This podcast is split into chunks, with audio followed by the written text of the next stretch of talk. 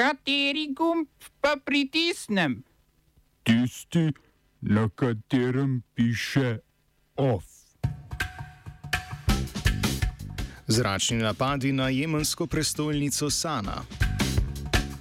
Indonezija seli glavno mesto na otok Borneo.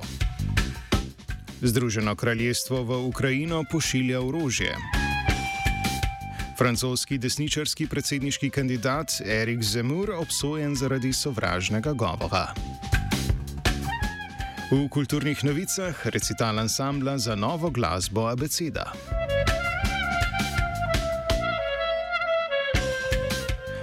Jo, v Sudanu so na protestih proti vojaškemu udaru varnostne sile hunte ustrelile več ljudi, informacije o številu smrtnih žrtev pa se razlikujejo.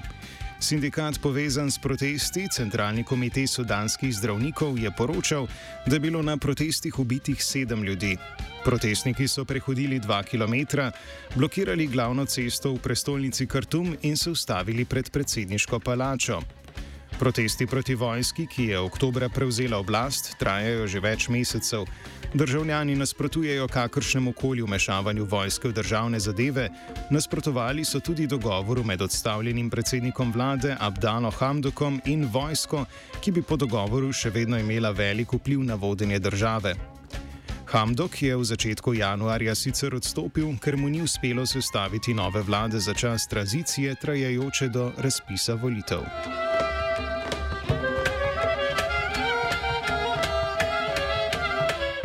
Vojaška koalicija pod vodstvom Saudove Arabije je v zračnem napadu na jemensko prestolnico Sana po poročanju prebivalcev ubila več kot 12 ljudi.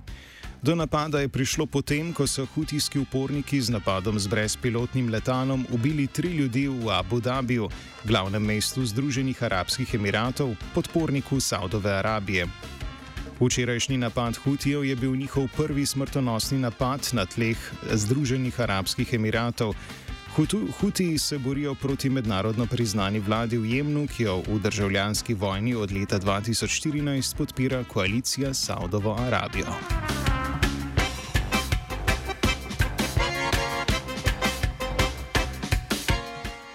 Indonezijski parlament je sprejel zakon, ki določa preselitev prestolnice iz Džakarte na otok Borneo. Novo glavno mesto se bo imenovalo Nusantara. Borneo je v primerjavi z Javo, kjer leži Džakarta, redkeje poseljen. Za preselitev je načrtovanih okoli 28 milijard evrov. O selitvi prestolnice se govori že dolgo.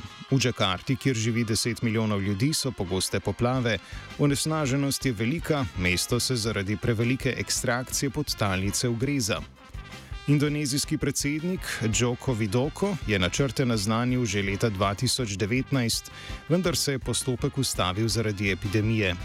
Novo glavno mesto bo ležalo na 180 tisoč hektarjih, kjer želi vlada zgraditi trajnostno mesto z nizkimi emisijami oglikovega dioksida in tako začrtati razvoj izven otočja Java, ki je najbolj posiljeno območje v državi. V novo mesto se bodo preselili prostori vlade, načrtovana pa je tudi gradnja okoli 1,5 milijona domov za državne uslužbence. Selitev bi lahko trajala tudi desetletje.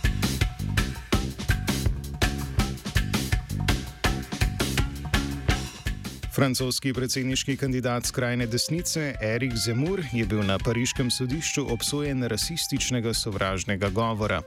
Naložena mu je bila denarna kazen v višini 10 tisoč evrov, v primeru, da zneska ne bo plačal, mu grozi zaporna kazen.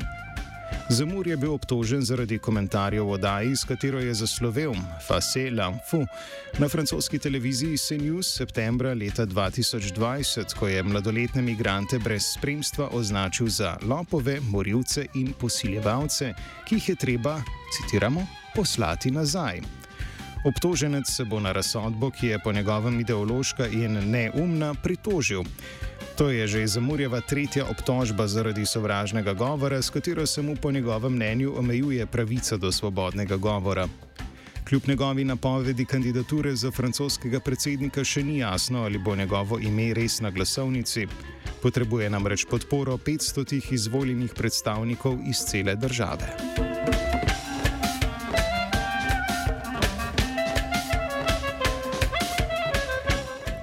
Združeno kraljestvo je potrdilo, da v Ukrajino pošilja protitankovske rakete za obrambo pred morebitnim napadom Rusije, ki je na meji z Ukrajino zbrala okoli 100 tisoč vojakov.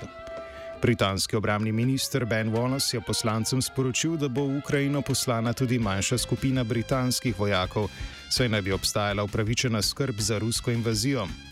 Vojaki Združenega kraljestva so v Ukrajini že od leta 2015, saj pomagajo pri urjenju ukrajinskih oboroženih sil. Rusija trditve, da se pripravlja na invazijo, zanika, je pa sporočila, da bo z vojsko ukrepala, če Zahod ne pristane na seznam zahtev. Med drugim želi Rusija doseči, da bi se v Ukrajini prepovedalo vstop v NATO. Poleg Združenega kraljestva je svoje vojake v Ukrajino poslala tudi Kanada.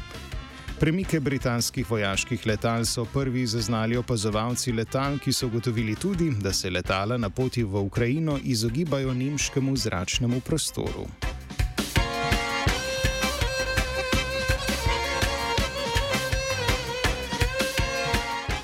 Evropski parlament je s 458 glasovi od 616 za svojo novo predsednico izvolil Maltežanko iz Evropske ljudske stranke Roberto Metzola. Metzola je s 43 leti najmlajša predsednica Evropskega parlamenta doslej. Podprle so jo tri največje politične stranke v parlamentu, poleg ljudske stranke še socialisti in liberalci. Novo predsednico so v preteklosti kritizirali zaradi njenega odnosa do splava. Lani, na primer, ni podprla resolucije Evropskega parlamenta, da bi morali vsem ženskam zagotoviti pravico do prekinitve nosečnosti. Kot najpomembnejša projekta v prihajajočem mandatu je izpostavila zeleni dogovor in gospodarsko ukrevanje po epidemiji. Mecola bo nasledila Davida Sasolja, ki je prejšnji teden umrl le nekaj dni pred koncem dva in pol leta trajajočega mandata. Oba, če, če bom odgovoril na angliški. Slovenija will try to help.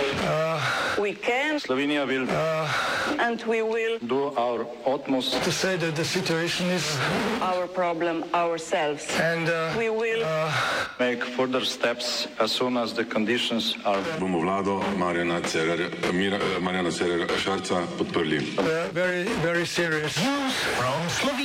we know how and we will. Sindikat vzgoje, izobraževanja, znanosti in kulture Slovenije, krajše SWIS, je v javnem pozivu opozoril na pritožbe zaposlenih v vzgoji in izobraževanju. Ob vedno večjem številu okužb so namreč razmere v vrtcih in šolah vse zahtevnejše. Zaposleni v šolstvu spadajo med izjeme pri odrejanju karantene ob stiku z okuženo osebo, torej jim ob stiku z okuženo osebo ne bo treba v karanteno, se bodo pa morali sedem dni zapored testirati s hitrim antigenskim testom. Ves čas bodo morali nositi tudi masko FFP2.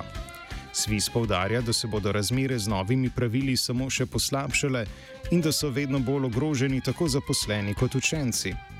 Vlada je včeraj sprejela nova navodila za šole, po katerih bo pouk potekal nadaljavo šele, ko bo v dveh tednih okuženih 30 odstotkov učencev, dotedaj pa se bodo učenci pogosteje samo testirali. Zaposleni so ob velikem številu okužb preobremenjeni, vedno več je nadomeščanj in dežurstev, poleg tega pa se še zmeraj niso uredili sistemi prezračevanja. Po mnenju oblasti okna namreč zadostujejo. Sindikat od vlade zahteva plačilo dodatnih obremenitev, povečanega obsega dela nad tedensko omejitvijo in plačilo nadur za čas obvladovanja epidemije. Ob zapovedani uporabi mask FFP2 jih skrbi tudi to, da jih država ne bo zagotovila dovolj.